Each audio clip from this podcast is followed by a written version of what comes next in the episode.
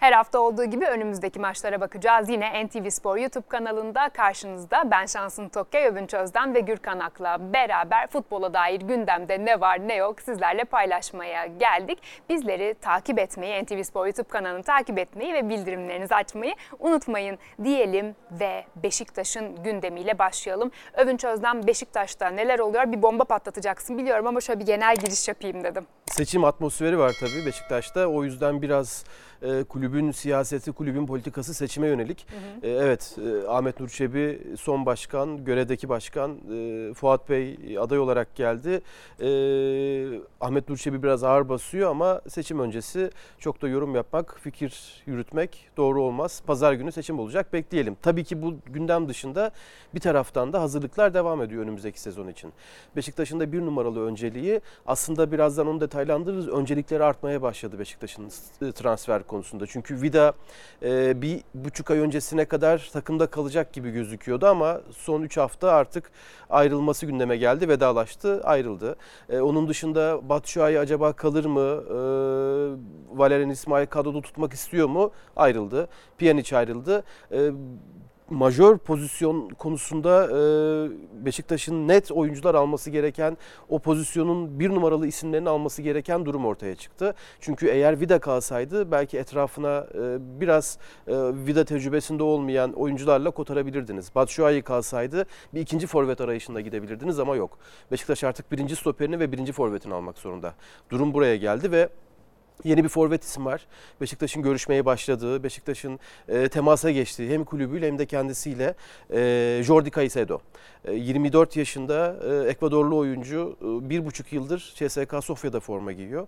E, Caicedo şu an için 2025 yılına kadar e, Sofya ekibinin, Bulgaristan temsilcisinin, Bulgaristan ekibinin, Bulgar takımının e, bonservisi oyuncusu. Bu durumda Beşiktaş Caicedo ile sadece anlaşması e, bir durum ifade etmeyecek. E, CSK Sofya ile de anlaşmak zorunda zorunda.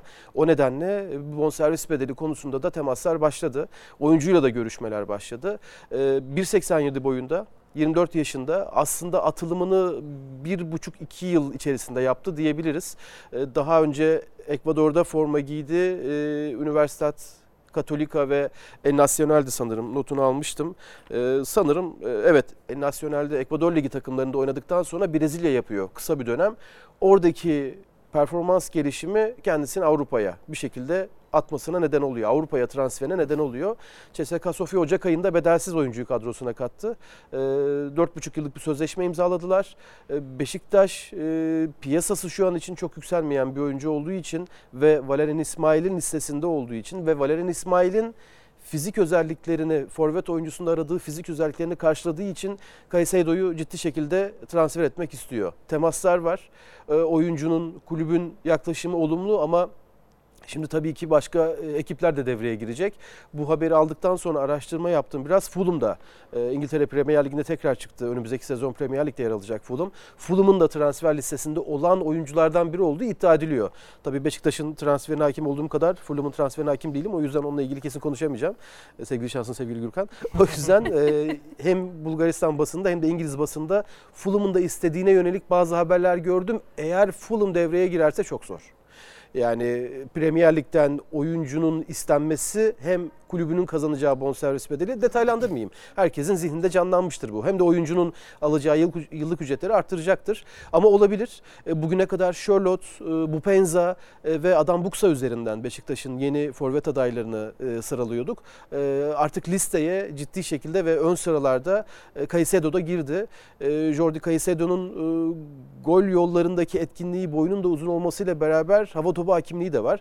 Tabii ki şimdi oyuncu ile ilgili metiyeler düzüp işte sağ ayağı çok iyi, sol ayağı inanılmaz, e, rakibi eksiltiyor gibi birçok özellik e, sayamam. Çünkü Bulgaristan Ligi'ni ve CSKA Sofya maçını 90'ar dakika izlemedim hayatım boyunca. Ancak oyuncu ile ilgili hazırlanan o videolarda en azından Batshuayi'den bir öte çıkma halini kafa golü attığını gördük.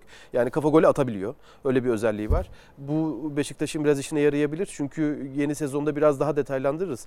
Beşiktaş e, daha çok önde yine Valerian İsmail'in istediği gibi baskı yapacak üçüncü bölgede oyunu oynamaya çalışacak. Kanat ortalarıyla, merkezden e, ara paslarla e, birçok hücum opsiyonu değerlendirmeye çalışacak bir takım haline gelmek isteyecektir.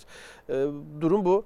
E, Caicedo transferini e, açıklamış olalım. Bundan sonra da e, önümüzdeki günlerde de bakacağız, detaylandıracağız. Tabii Beşiktaş'ta ayrılıklar da ardı ardına açıklanıyor. Gidenler işte Pjanic gitti, Batshuayi gitti Evet. senin de söylediğin gibi. Oğuzhan ayrılığı, Aynen. duygusal bir ayrılık oldu Oğuzhan için. 10 yıl sonra bir paylaşım yapmış işte ben 19 yaşında ilk imzamı attım.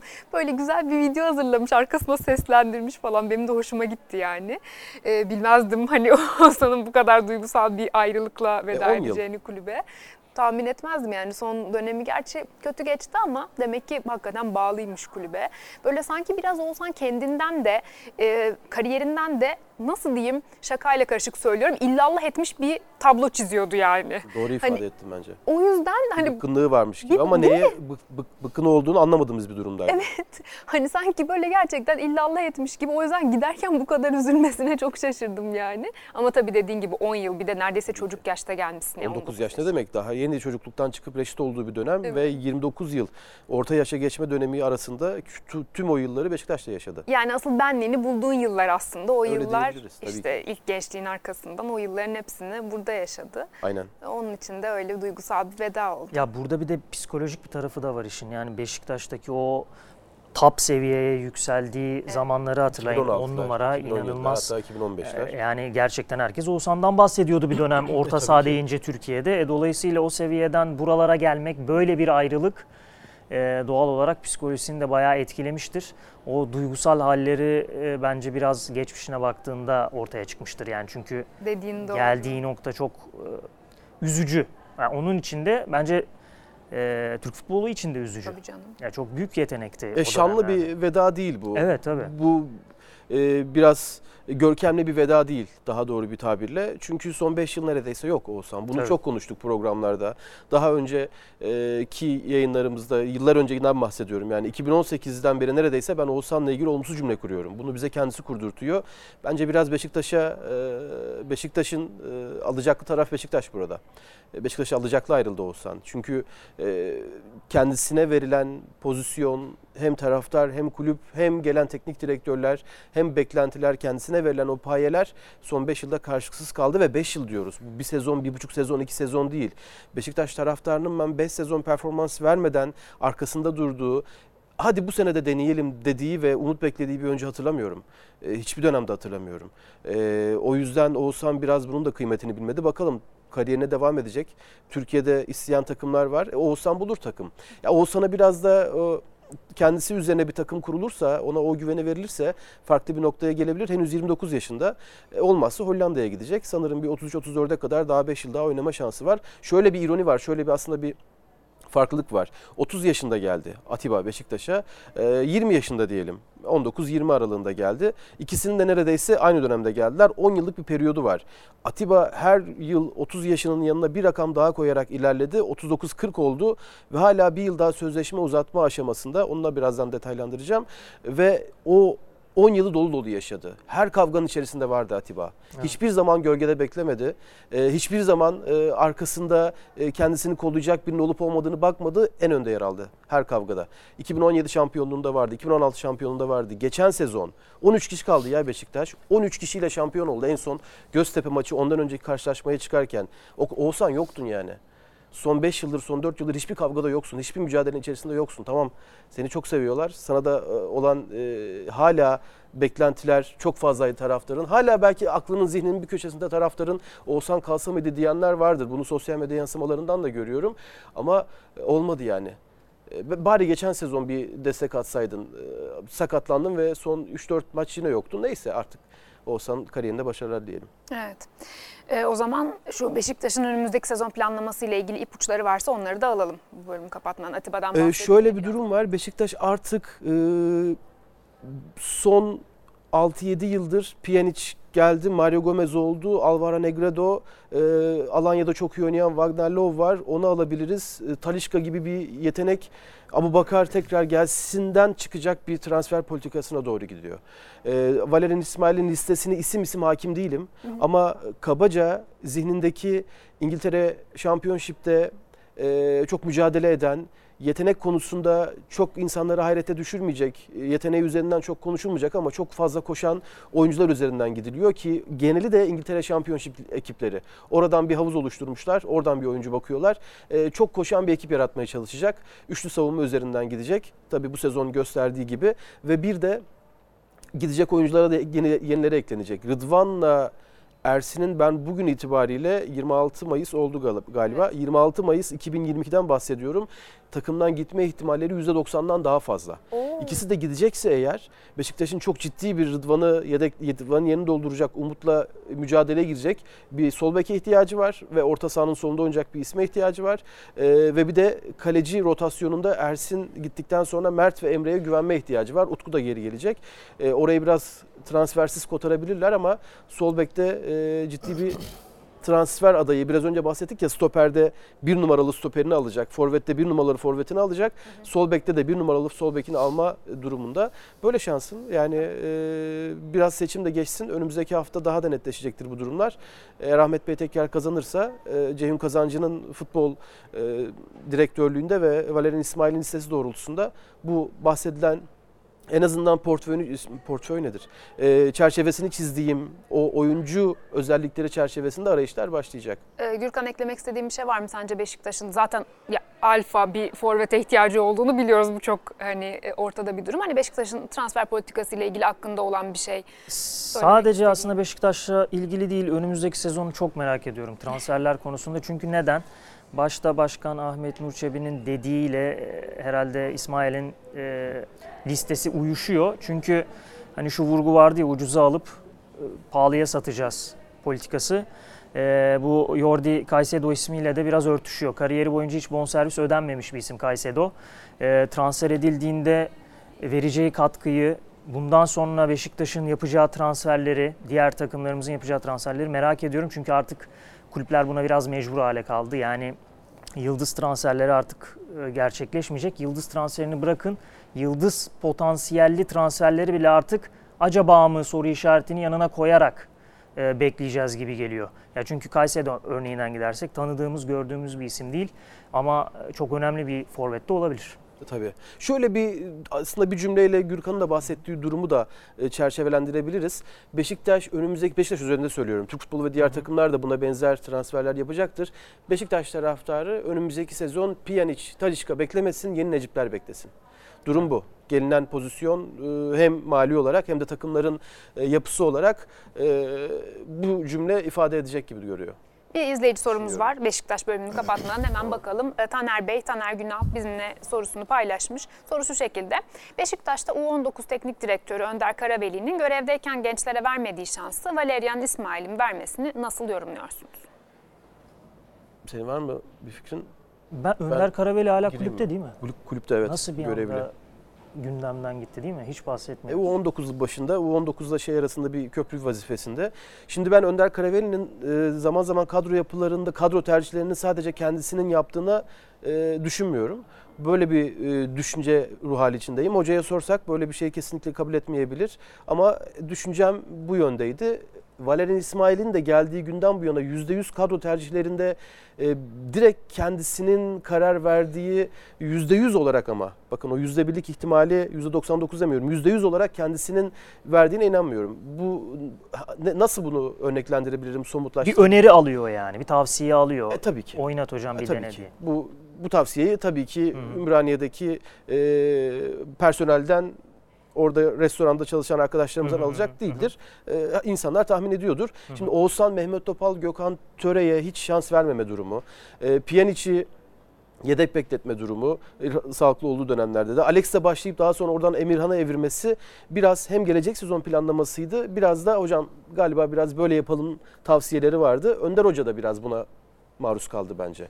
Önder Hoca'nın da biraz bununla ilgili bazı dertleri, bazı e, eğer bu dertse kendi adına e, istemediği veya tamamen %100 kendisinin karar veremediği durumlar oldu gibi geliyor bana. O yüzden bunu böyle açıklayabilirim. Evet anlamlı. Yoksa buradan işte Önder Karabeli U19 teknik direktörüydü ve beraber çalıştığı oyuncuları A takıma gelince arkasına döndü, arkasını döndü oyuncular. Onları ihanet etti ama Fransa'dan bir hoca geldi. Hiç bilmeden sadece antrenman performanslarına göre direkt oynatmaya başladı demek biraz romantizm biraz e, çok anlaşılır bir durum değil. Fenerbahçe gündemini bu hafta Ali Koç'un Beyaz TV'de katıldığı Derin Futbol programı belirledi. Ali Koç'un orada yaptığı açıklamalar belirledi. Orada yeri geldi teknik patrona dair, yeri geldi Mesut Özil'e dair, kadro yapılanmasına dair bol bol açıklamaları var Ali Koç'un. Onlarla ilgili biraz konuşacağız şimdi. Ee, aslında Başkan Ali Koç çok net ifadeler kullandı. Yani uzun süredir hatta teknik direktörlük konusunda bu kadar net konuştuğunu hatırlamıyorum. Bazı arada kaybolan gürültülü bir program olduğu için o gürültüde kaybolan bazı kelimeler var. Onlardan bir tanesi bilmiyorum mutlaka dikkatini çekmiştir izleyenlerin. Ee, Ahmet Çakar diyor ki George Jesus'ta parayla ilgili mi bir sıkışıklık var diyor. Başkan Ali Koç'ta sıkışıklık yok diyor. Yani çok net ifade bence.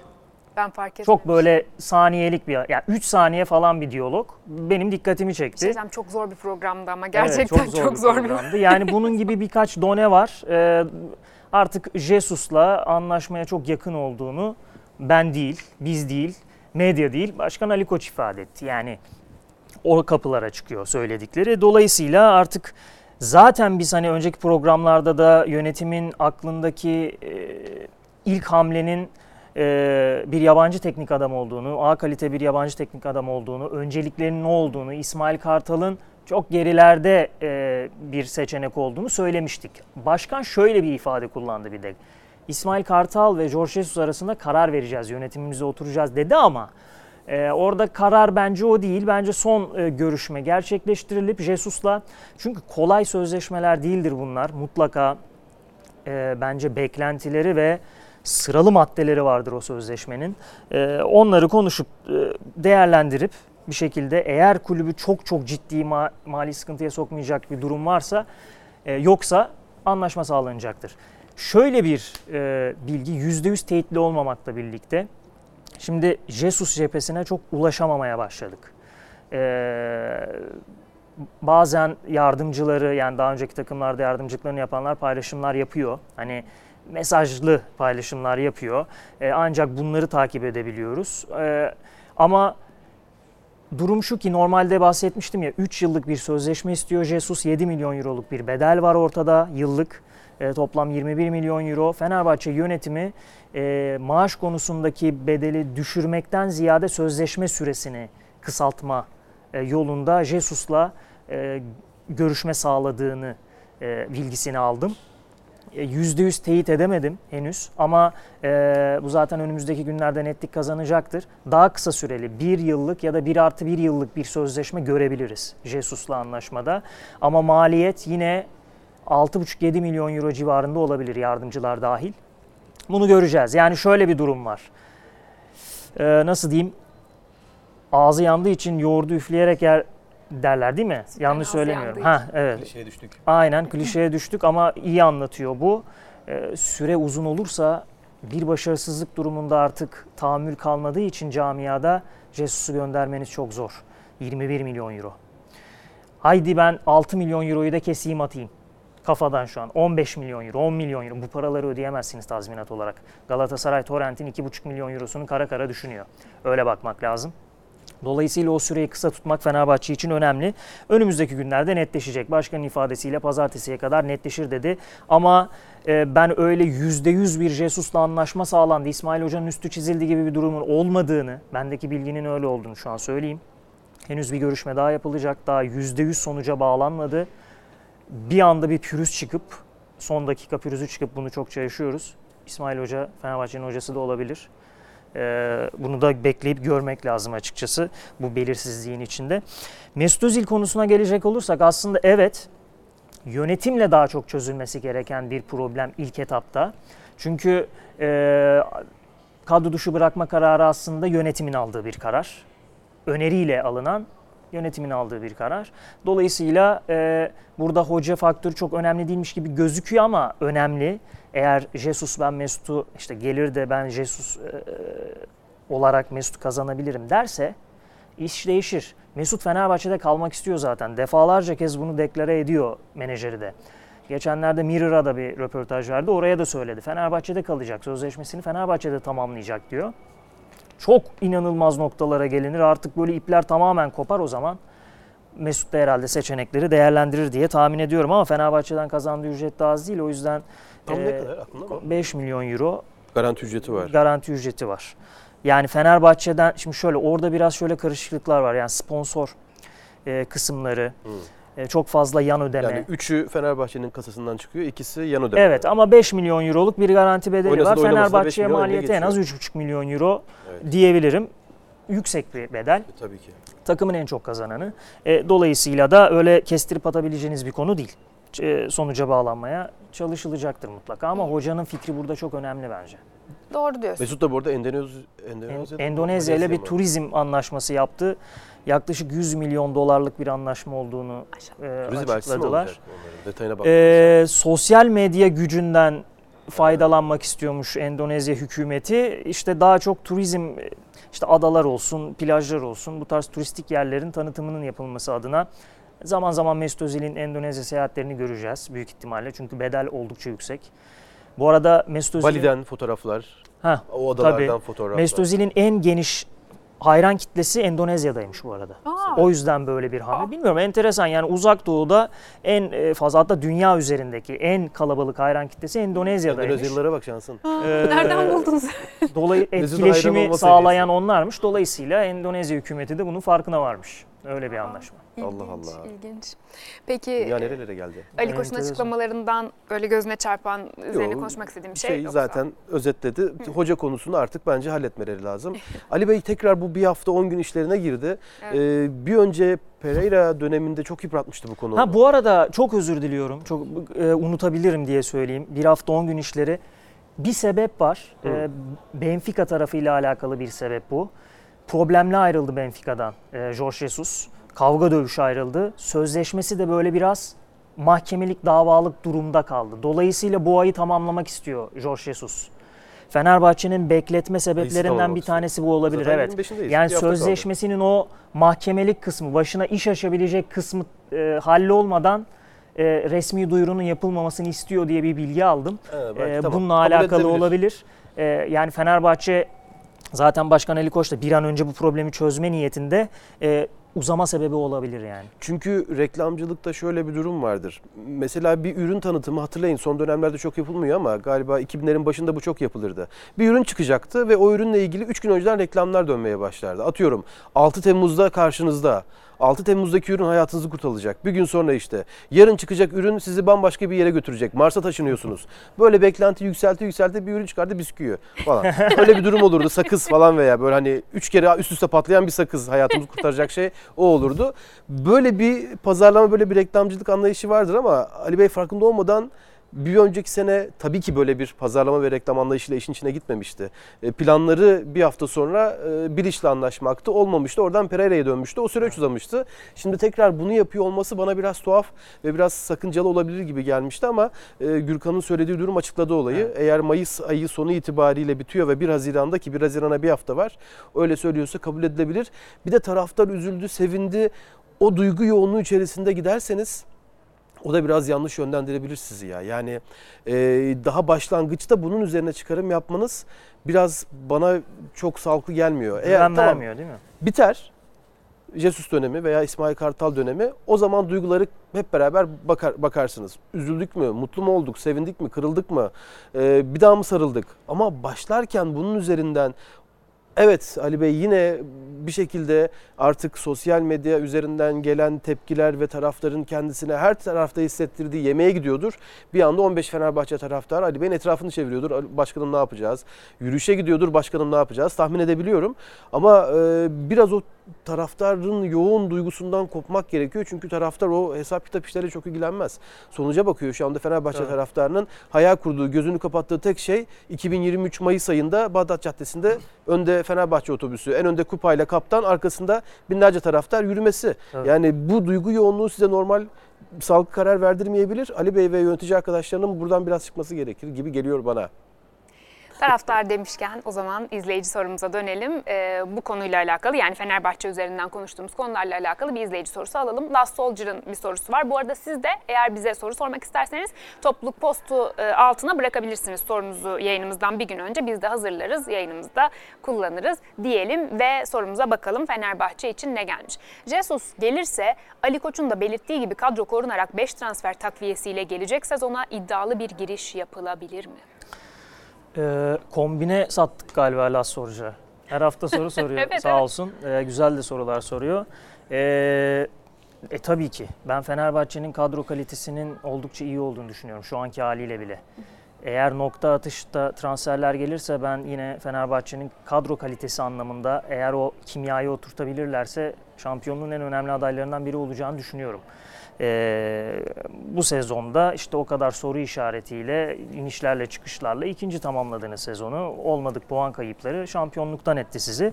Ee, bununla paralel olarak şöyle hangi mevkilere transfer yapılacak? Başkan 4 ya da 5 transfer gerçekleştireceğiz dedi. Bu 4 ya da 5 demesinin sebebi de ayrılabilme ihtimali olan oyuncuları e, içeriyor. Yani şimdi birçok oyuncuya teklif olduğunu söylemiştik ki bunlar da en önemlisi e, hem Jesus'un hem İsmail Kartal'ın kalsın raporunu e, kati suretle verdiği Minje.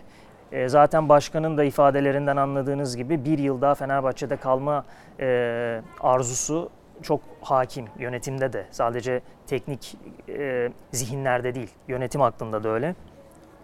Kalabilme ihtimali var ama birisi çıkartıp 20 milyon euronun üzerindeki o serbest kalma bedelini öderse geçmiş olsun. Minje'ye gider yerini doldurmanız gerekir. Yedek kaleci %100 e, alınacak Berke dün veda etti. Ee, Avrupa'da kariyerine devam edeceğimizi söylemiştik. Onunla ilgili de Avrupa'da temasa geçen takımlar var. Dörtten fazla takımın temasa geçtiğini öğrendim. Belçika kulüplerinin ilgisinin olduğunu söyleyebilirim şu an için ama somut bir girişim yok. Önümüzdeki günlerde netleşir. Transfer dönemi açıldığında çok daha hareketlenir. Belki tamamen Avrupa'ya bakıyor. Türk e, liginden gelen teklifleri şu an itibariyle hiç e, dikkate bile almıyorlar. Onu söyleyebilirim. Sol bek transferi iki hocanın da raporunda var. İsmail Kartal da Jesus da. Taraftarlar da sol bek transferi bekliyordur. Onlar da rapor çıkartsa sol bek ister. Çünkü Ferdi'yi önde kullanamıyorsunuz. Ama bir yandan da Ferdi'nin sol bekteki performansı da oldukça iyiydi. Acaba kaybettirir mi soru işareti var. Bir kanat oyuncusu alınacak. Sol ön öncelikli. Ama iki, iki tarafta da oynama özelliği olursa e, Fenerbahçe için çok daha sağlıklı olur. Ama tabii ki tüm bunları bir kenara bırakırsak Santrfor olmazsa olmaz. İlk hamle yapılacak, ilk bitirilmek istenen mevki Santrfor. Tıpkı herhalde Beşiktaş'ın da önceliğinde Yani. olduğu gibi. Önceliklerden biri. Fenerbahçe kadar direkt net Fenerbahçe değil. direkt olarak bu sorunu çözmek istiyor. Yani tamam bizim gelecek sezonun golcüsü hazır. Şu demek istiyor. Sörlot'la ilgili zaten önceki programlarda da konuşmuştuk. Sörlot'la ilgili e, Fenerbahçe'nin ısrarı sürüyor ama hala maliyet oranında ciddi sıkıntılar var. Çünkü Leipzig 10 milyon euronun altına pek düşecek gibi değil. Ve iş kontrolden çıktı. E, tabii. iş Bir anda kontrolden piyasası çıktı, oluştu. piyasası oluştu. Hem Beşiktaş girdi hem Fenerbahçe girdi.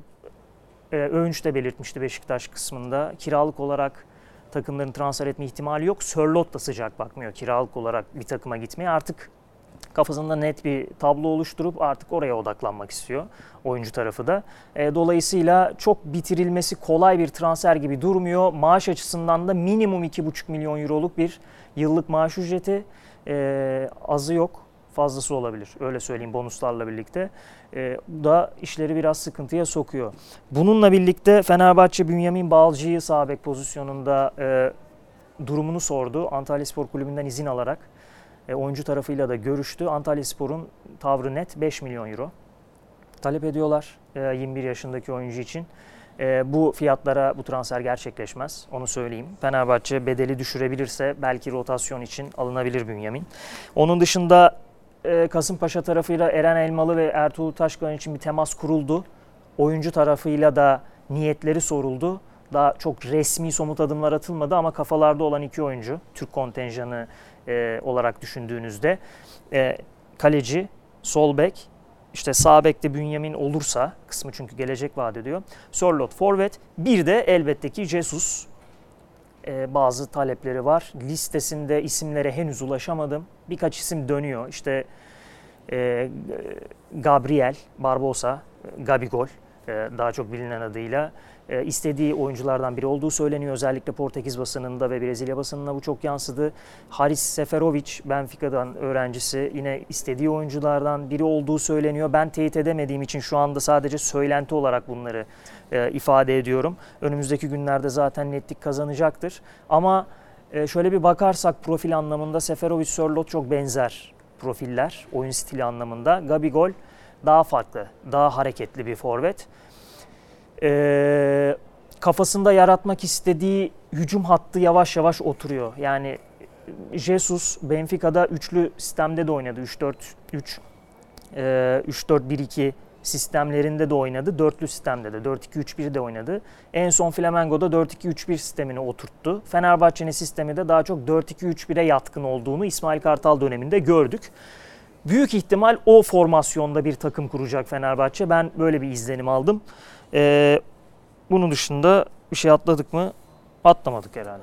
Tamam süper. O zaman Galatasaray'a e, Çok özür dilerim. gündemine devam edeceğim. Ee, Lütfen. La- aa, Larin'den bahsedecektim. Sana Larin, Larin dedik şansın diyeceğim size. Larin konusunda Beşiktaş'ın e, hala oyuncuyla ve menajeriyle teması var ama Larin Türkiye'de başka bir takıma transfer olabilir. Beşiktaş konusunda kapattıktan sonra aklıma geldi. Ee, Başakşehir, Trabzonspor, Larin'le temas halinde oyuncu artık serbest bir oyuncu ve Türkiye pazarı içinde bir karşılığı olan bir oyuncu. O nedenle kendi istediği seviyelere yakın 2,5 milyon euro yıllık ücret de diretmişti Beşiktaş'a. Anlaşamama sebebi Beşiktaş'ın daha az vermesiydi. E, iki civarı belki Trabzonspor, belki e, Başakşehir olabilir. E, Avrupa'da çünkü çok karşılığı yok Türkiye'de ilginde olduğu gibi. Larin'de durumu bu. Galatasaray gündemiyle devam ediyoruz. Şimdi Galatasaray'da Eşref Amamcıoğlu'nun Dursun Özbek, Metin Öztürk birlikteliğine karşı e, gergin bir duruşu söz konusu. Orayı bir konuşacağız. Ama ondan önce iki başkanın, iki başkan adayının açıklamalarını sizlerle paylaşacağız. Ufak tefek söylemleri var. Galatasaray'da neler oluyor? Artık başkan adayının başkan olmasına çok az bir zaman kaldı. Kaos ortamı devam ediyor. Gürkan Ak'a dönmeden evvel ben bu açıklamaları bir vereyim mi? Olur, Dursun olur. Özbek ve Eşref Amamcıoğlu bir onları hatırlayalım ya da bilgilendirelim izleyicilerimizi bilmiyorlarsa neler söylemişler. Dursun Özbek'in açıklamaları geldi. Hemen birleşerek birbirimizi severek 2000 ruhuna dönmemiz lazım. Hiç korkmayın projelerimiz var. Biz birbirimize sevgi ve saygı katamazsak yerin dibine batsın projeler. Ne var bu sevgisizlikte? Kulübümüze ne faydası var diyor Dursun Özbek. Öbür yandan Eşref Amamcıoğlu'nun bir açıklaması var. Eşref Amamcıoğlu da diyor ki seçimi kaybedeceğinden emin olan adaylar bir koalisyon yaparak Galatasaray içinde pozisyon belirlemeye çalışıyorlarsa bu Galatasaray'ın makus talihi olamaz. Şimdi e, bilgiler Gürkan'da ama ben önce Övünç'e dönmek istiyorum. Ona neler düşündürdüğünü Önemli. sormak istiyorum Evet. bu e, ikiliğin Galatasaray e, başkan adayları arasında. Ee, Galatasaray'da şöyle bir durum var. Çok fazla genel kurul üyesi oy vermeyecek. Tahminim 3000-3500 civarı bir oy kullanma durumu olur. Bu 3000-3500 oy kullanma durumunda da e, 100 belki 50 oy başkanı belirleyebilir. O yüzden bir tahminde bulunmak çok zor. Ee, en son e, Burak Bey'in kazandığı seçimde Eşref Bey'in çok az bir oyla Kırk. başkanlığı 40 küsuratı yok değil mi? Direkt 40. 40 ya da 41. Öyle bir 40 40 veya 41 ben tam emin olamadım Hı hı. o yüzden sana sordum. Oyla kaybettiğini de hatırlayalım lütfen ve aradan sadece bir yıl geçti. O yüzden hala ciddi bir aday. E, lisede karşılığı çok fazla olan bir isim ama bu taraf bir taraftan Dursun Bey de liseli. Evet e, Eşref Bey kadar lise dinamiklerine hakim değil gibi gözüküyor ama e, Galatasaray Sesi mezunu. Orada da kendi arkasında da liseden ekibi var ve dün e, divan kurulu toplantısında Gürkan Kulüpler Birliği'ndeydi. Ben geçtim oraya. Orada e, lisede e, konuşulurken e, divan kurulu üyeleri arasında lisenin bahçesinde o basket potosunda orada ya Eşref Bey galiba ya Eşref kazanacak galiba. Kendi arkadaşları olduğu için böyle hitap ediyorlardı. Ben de onu anlatıyorum. Lütfen saygısızlık olarak algılanmasın. Eşref Bey kazanacak galiba. Hamamcıoğlu biraz önde gibi. Tabii bu hiçbir şey ifade etmiyor.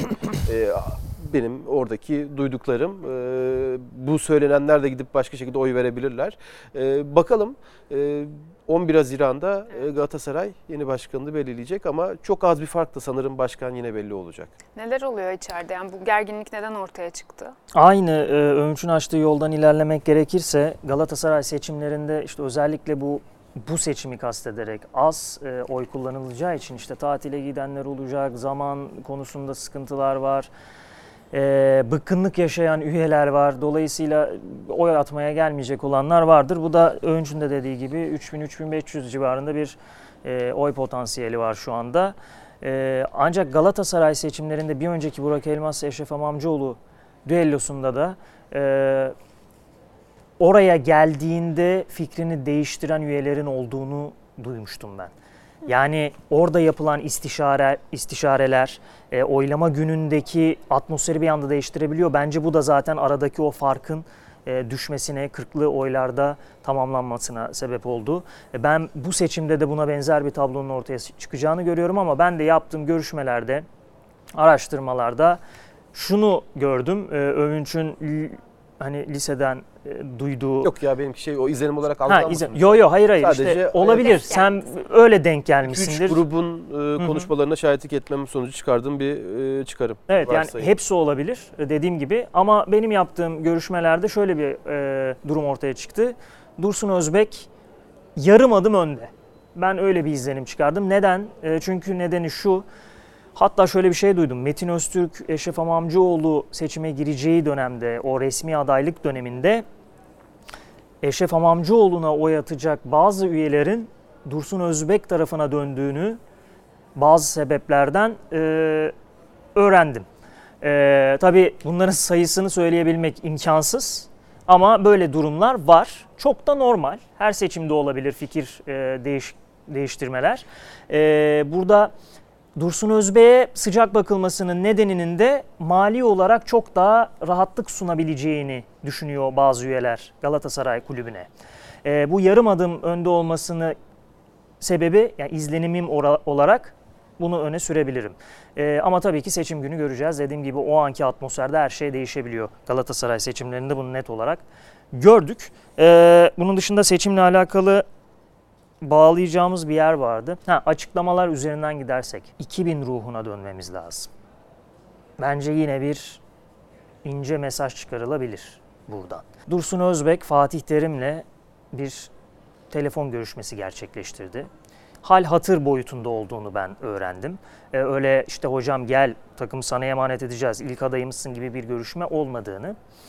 Ee, fikir alışverişi işte seçime giriyormuşsun başkan başarılar tadında bir görüşme olduğunu öğrendim. Ama Fatih Terim'le ilgili somut bir adımın atılmadığını teknik direktörlük anlamında söyleyebilirim şu an itibariyle. Hatta ve hatta Dursun Özbek cephesinde Metin Öztürk ikinci başkan olacak bildiğiniz gibi. Okan Buruk ismi çok ön plana çıkıyordu o başkan adayıyken. Hala Okan Buruk isminin çok sıcak olduğunu ve Dursun Özbek başkanı da Okan Buruk'a tabii ki olur e, şeklinde baktığını söyleyebilirim. E, ben şahsi fikrim e, Fatih Terim'in göreve gelirken mutlaka ki yeni yönetimden bazı talepleri olacaktır. Çünkü Galatasaray'ın şu an içinde bulunduğu durumda elbette ki Fatih Terim'in de payı var. Yapmış olduğu transferler, e, yönetimle yine ters düşmesi, bunu Burak Elmas'ın ters düşmesi diyorum çünkü Burak Elmas'ın ifadelerinden yola çıkarak söylüyorum. Florya ayrı bir kulüp gibiydi ifadesi. Bence büyük problemler bunlar. E, bunları tekrar yaşamamak için ve Galatasaray'ı yeniden düzlüğe çıkarabilmek için bazı transferler isteyecektir mutlaka. Bazı e, talepleri olacaktır. Cenk Ergün'le çalışmak istemediğini e, öğrendim.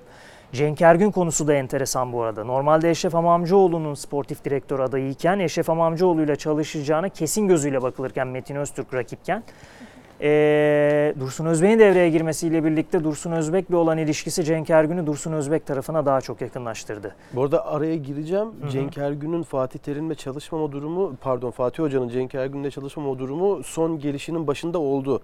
Ee, Evet. Tudor varken ve o kadro planlaması Cenk Ergün ve ekibi ve Tudor'un dahili varken Fatih Terim gelince Cenk Bey ayrılmıştı. Evet, evet. Yani burada bir zaten sıkıntı var. Ee, ortada bir sıkıntı varken de Fatih Hoca'nın da bunu istememesini normal karşılayabiliriz. de Fatih Terim'in olduğu yerde sportif direktör biraz Tabii. içi boş O çok pozisyon. sıkıntılı bir durum oluyor. Fatih yani Hoca bunu daha önce direktör, gördük. Hem teknik direktör, Tabii. hem menajer hem mentor. Bu arada şunu da çok mümkün görmüyorum. Bu da zaman zaman medyaya yansıyabiliyor bazı kurumlar tarafından. Fatih Terim'in sportif direktörü olarak geleceği, Okan Buruk'un hoca olarak geleceği konusu ben bunu çok olası görmüyorum. Yani Fatih Terim'in Okan Hoca'ya çok üzülürüm ben o durumda. Ben de öyle. Hem kendi takımını oluşturmakta zorlanır. Ha- Haklı olarak çünkü sportif direktör Fatih Terimken teknik anlamda size müdahale etmemesi imkansız bir şey. Ya da sizin ona danışmamanız imkansız bir şey. Bir noktada ya hocam solda Kerem mi Yunus ya bu olur. Kesin olur. Üçlü mü çıksak hocam bu maça? Yok canım ne? Kesin olur bunlar. Yani kafasındaki o kadroyu e, nasıl diyeyim çok böyle kendi arzusuyla tamamen yüzde yüz kendi arzusuyla kurması sıkıntı olur. Fatih Terim gibi bir tecrübe, taktik e, deha varken Galatasaray'ı bu kadar iyi bilen biri varken siz o özgürlüğünüzü kullanamazsınız. Bunu çok mümkün görmüyorum. Zaten daha önce de e, medyaya yansımıştı. Fatih Terim'in de sportif direktörlüğe çok sıcak bakmadığını biliyoruz. Zaten sıcak baksa Torrent'in sportif direktörü Hı, olurdu. Devam ederdi. E, dolayısıyla durum bu Galatasaray'da teknik direktörlük açısından. Başka sorun var mı? Bir Başka de kriz sorun? var tabii. Evet kriz tabii Ne krizi? ki. E, Mustafa Muhammed krizi. Ha tamam. Ya özellikle Mali Galatasaray'da evet mali kriz konusu e, gelecek olan yönetimin direkt olarak balıklama görevi atlayacağı ilk şey e, başlık. İçine İlk düşeceği konu. durum İçine düşeceği evet aslında kuyu. Ee, kuyu neden kuyu? Çünkü artık dövizin de ortadaki hali, takımları zorlayışı, 2,5 milyon euronun bile artık ödenemez duruma gelmiş olması işleri çok sıkıntıya sokarken bir de Mustafa Muhammed krizi patlak verdi ki e, 4 milyon dolarlık bir bonservisini satın alma opsiyonu vardı hatırlayacaklar. E, futbol severler Galatasaraylılar. Önce kiralandı sonra bu satın alma opsiyonunun 1 Temmuz'a kadar ödemenin yapılması halinde Mustafa Muhammed'in bonservisinin alınabileceğini Galatasaray resmi olarak açıklamıştı. Kamuoyunun da aydınlatmıştı bu konuda. 1 Temmuz ne kadar kaldı? 26 Mayıs'tayız. Yaklaşık Bir ay yani. bir ay var. Hadi bir buçuk ay olsun. Ee, Ya 2,5 milyon euro şu anda 43 milyon 750 bin TL yapıyor. inanılmaz.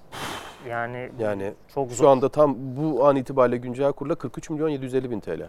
Evet. Mustafa Muhammed 1 Temmuz'a kadar ödemeyi yapmazsanız Zamelek tarafından da yapılan bazı açıklamalar oldu. Sosyal medyaya yansıdı. İbrahim Abdullah Bey zannediyorum. Ee, Zamalek Arapça yazdıkları için çok Ha. anlayamıyoruz tabii. Haliyle işte translate ediyoruz falan. Türkçe yani ismini de Türkçe'ye çevirmiş olabilir. O yüzden isminden tereddüt ediyorum. Ee, 500 bin y- dolarlık bir tazminat olacağını ödemenin yapılmaması ve gecikmeli yapılması halinde. Yani uzlaşma sağlanır. 1 Temmuz geçti.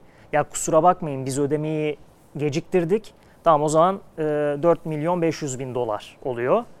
Bir de Mustafa Muhammed'in eğer 1 Temmuz'a kadar ödemesi yapılmazsa Zamalek oyuncuyu geri çağırma hakkına sahipmiş. Zamalek tarafının yaptığı açıklama bu yönde. Yani Galatasaray Mustafa Muhammed'i kaybeder 1 Temmuz'a kadar yapamazsa ve FIFA'lık da olur. Çünkü sözleşme şartlarını siz yerine getirmemiş oluyorsunuz. Zamalek Hepsini sizi ödemek zorunda kalır. hepsini ödemek zorunda kalırsınız. Transfer yasağına kadar gidebilir bu durum. Ee, böylesi sıkıntılı bir dönemde. E bir de torrent krizi eklenirse ona kesin transfer yasağına gider.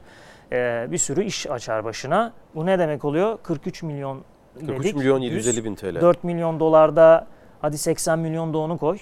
Düz değil mi? Tamam. Yanlış yazsam. 120 milyon. 4 yok 4 milyon dolar 60 küsür yapar galiba. Ha, e işte Ya, ortalama ya, ya. Aha, 60 olsun. Tamam. Ne yapıyor? Yani düz 100 Programda milyon. Biraz hesaplamalarda 105 sıkıntı milyon. yaşıyor. 105 milyon. Yine hesaplamalara başladık. 100 milyon TL'lik Galatasaray yönetiminin, yeni yönetimin gelip çözmesi gereken, bir ay içinde çözmesi gereken bir mali krizin içindeyiz. Gerçekten Allah Bununla sınırlı mı? Değil. Ödenmeyen bazı maaşlar var. Ee, dolayısıyla yeni yönetimi mali açıdan çok ciddi bir yük bekliyor. İşte bu da Dursun Özbek yönetimini yarım adım öne çıkaran konu. Mali açıdan çünkü tahmin edecek Galatasaray taraftarları. Dursun Özbek, Eşref Amamcıoğlu cephesine göre biraz daha güçlü. Yani bunu e, herkes görüyordur. Son Kerem'i de soracağım. Kerem Aktürkoğlu. Evet, Kerem Aktürkoğlu ile ilgili birçok takımın e, ilgilendiğini Başkan Burak Elmas da zaten ifade etmişti ama somut bir adım olmadığını söylemişti. Hala benim aldığım bilgi somut bir adım olmadığı yönünde. E, Bundesliga ile ilgili çıkan haberlerin, Dortmund haberlerinin şu an için teyit etmediğim için e, doğruluğu hakkında bir şey söyleyemeyeceğim. Ama e, ilgi boyutunda olan kısımlara gelecek olursak biraz geçmişe gidersek öyle 10 milyon euronun üzerinde rakamlar söz konusu değil şu an için Kerem Aktürkoğlu ile ilgili. Yani 10 milyon euronun üstünde rakam olursa bu 11-12 olur gibi geliyor bana. Yani yeni dönemde nasıl olur bilmiyorum ama öyle 20 milyonlar, 15-18 milyonlar o çok kolay rakam değil onlar. Onu Yok sizin piyasanız bunun karşılığı değil ki. Hem Türk piyasası Pazarınız bunun hem, karşılığı. evet, hem Türk pazarı daha doğru ifade hem de Kerem Aktürkoğlu'nun aslında Evet çok ciddi bir çıkış yaptı ama bazı scoutlara göre, gözlemcilere göre eksik yanlarının olduğunu söylüyorlar. Özellikle topsuz oyunda e, çok yetersiz kaldığı konular olduğu konusunda bazı bilgiler aldım. Yani o yüzden de 10 milyon euronun üzerine çıkacağını pek düşünmüyorum ben. Yani çıkarsa benim için sürpriz olur. 15-20'ler görürsek bundan bahsediyorum. 11-12 benim için da okey. E, bilgilerimi doğrular ama çok üzerinde olmaz. O yüzden de Dortmund'un 15-20 milyon euro aralığında teklif yapacağı şu durumda çok gerçekçi gelmedi bana. Milli maçlar var belki milli takımda hani E tabi yüksek bir performans. yani Litvanya ama adalarıyla oynayacağız. Ha, Litvanya ile Litvanya oynayacağız. ile oynayacağız. Litvanya'ydı değil mi? Litvanya Tabii tabii. Litvanya, Lüksemburg. Lüksemburg yani hangi ölçü birimi ki bu, bu takımlara karşı vitrin oynayacak? bile değil yani. Neredeyse Lüksemburg ve Foray Adaları takımlarının kadrosunda profesyonel oyuncu yok. Evet evet. Öyle bir durumdan bahsediyoruz. Karşınızdaki rakip profesyonel değil. Yani o yüzden bilmiyorum hani evet biz bu anda Foray Adaları'na 6 tane atabiliriz. E, 10-0 yenebiliriz Lüksemburg'u ama ne ifade edecek? Bu arada yeni yönetimin de yani hem Eşref Amamcıoğlu tarafı hem Dursun Özbek tarafı kiradan dönecek oyunculara çok değer veriyor onu söyleyeyim. Hatta Torrent de kendisi de öyle ben kalırsam da çok değer veriyorum diye açıklamaları var. Yönetimler de bu, bu şekilde düşünüyor. Yunus Akgün, Emre Akbaba, Okan Koçuk. Üç isimde hem Türk olması hem bu sezon gösterdikleri değerli performans Galatasaray'a direkt kadroya yazacağınız isimler haline yine dönüşebilir. Emre Akbaba için belki aynı şeyi yani söyleyemeyebilirim. O yine biraz daha yedek arka planda kalabilir ama Yunus Akgün ve Kerem Aktürkoğlu kanatları Galatasaray'ın şu anda muhtemel hücum hattını bir kısmını oluşturuyor bence. Eh o zaman biraz Mourinho övmeyelim mi? Övelim. Övelim. Hadi biraz artık Mourinho övelim. Konferans liginin de şampiyonu oldu e, Mourinho'lu Roma. E artık almadığı kupa kalmadı yani. Diyecek bir şey yok. Öveceğiz yani. Yapacak bir şey yok. Övünç. Bu Evet. söylediğin cümle aynı zamanda bir gerçek bir cümle. Almadığı kupa kalmadı bir Evet. kalıp cümlesi değil. Gerçekten öyle. Şampiyonlar Ligi, iki UEFA kupası, bir Süper Kupa ve bir e, Avrupa Konferans Ligi kupası. Yani Avrupa'da uluslararası turnuvalarda bütün kupaları aldı. E tabi. Kupa Galipleri Kupası'na yetişemediği için hocamız alamadı. Ama artık Konferans Ligi Kupası var ve bir karşılığı var. Dün Roma'da e, bütün gece taraftarlar sokaklardaydı. Gördüğümüz fotoğraflar, videolar hemen Ali'den teşekkür edelim. E, Roma burası değil mi? Tabii Roma. E, taraftarlar Taksim Meydanı konferans. Konya'ymış orada. Şansından bir şaka geldi ama duymadan devam ediyoruz hayatımıza. E, Niye Taksim'de Kolezyum Meydanı. mı? Kolezyum Meydanı. Romalılar Taksim'de de kutlama yapmış ya. Kolezyum Meydan. Aynen. Ve bir tek bundan Şansı'nın haberi var. Şansını söylemişler. Biz Taksim'e gidiyoruz Şansın Hanım. Bizi video kameranız varsa gelip çekin. E, hoca evet bir de duygulandı biraz da tabii. Şeyle Inter'le Şampiyonlar Ligi'ni kazandığı zaman da bir otobüse binerken e, Zidane- Zidane- Zidane'a kafa atan stoper kimdi ya Inter'le? Materazzi. İtalya. Ha Materazzi ile sarılıp bir ağlama görüntüsü var. Ondan sonra galiba ilk kez Adamın ağladı. bak Zidane'a kafa atan stoper. Evet değil mi ya? adını. Aynen. Ya yıllarca üst düzey oynadı. Pardon Zidane'ın kafa attığı. Affedersin. Zidane tabii tabii. Zidane'ın şey yaptığı. Zidane'dan kafayı yiyen. Zidane'dan kafayı Tabii yiyen düzeltiyorum. 60 yıldır Avrupa Kupası kazanamadı bu arada Roma. O da kendileri için e, önemliydi Roma'da. Ve e, Arnavutluk'ta oynandığı için, Tiran'da oynandığı için final Loriksana. Lazio'nun efsanelerinden biri kupayı Roma'ya vermek zorunda kaldı. Orada da bir hayatın ufak e, nüanslarından birini gördük. Kader mi diyelim şansın? Sen buna kesin bir güzel sıfat bulursun. Yo. Loriksana, Lazio'nun Roma'ya Arnavutluk'ta Tiran'da kupa vermesi. E, Arnavutluk tren dediğin için gülümsedim. Ben biliyorsun gidip Hayır, geliyorum ya Arnavutluğa. O yüzden ha. Hayır sadece hani bu e, Yok bulamadım. O anda bulamadım. hızlı düşünemedim. Çünkü hani böyle gittiğim, gördüğüm bir şehir, bir ülke, tanıdığım Aynen. bir ortam olduğu için onu düşünüyordum. Öyle o yüzden Evet, tamam. bağlantı kurup hemen giremedim Alright, yani. peki. Kafam oraya gitti. Bununla ilgili bir şey söyleyeyim. Hatırlarlar, siz de hatırlarsınız Bakalım. futbol severler. Bir dönemimiz vardı. UEFA Avrupa Ligi'ni küçümseyip yedek kadrolarla falan çıkıyordu takımlarımız hatırlıyor musunuz?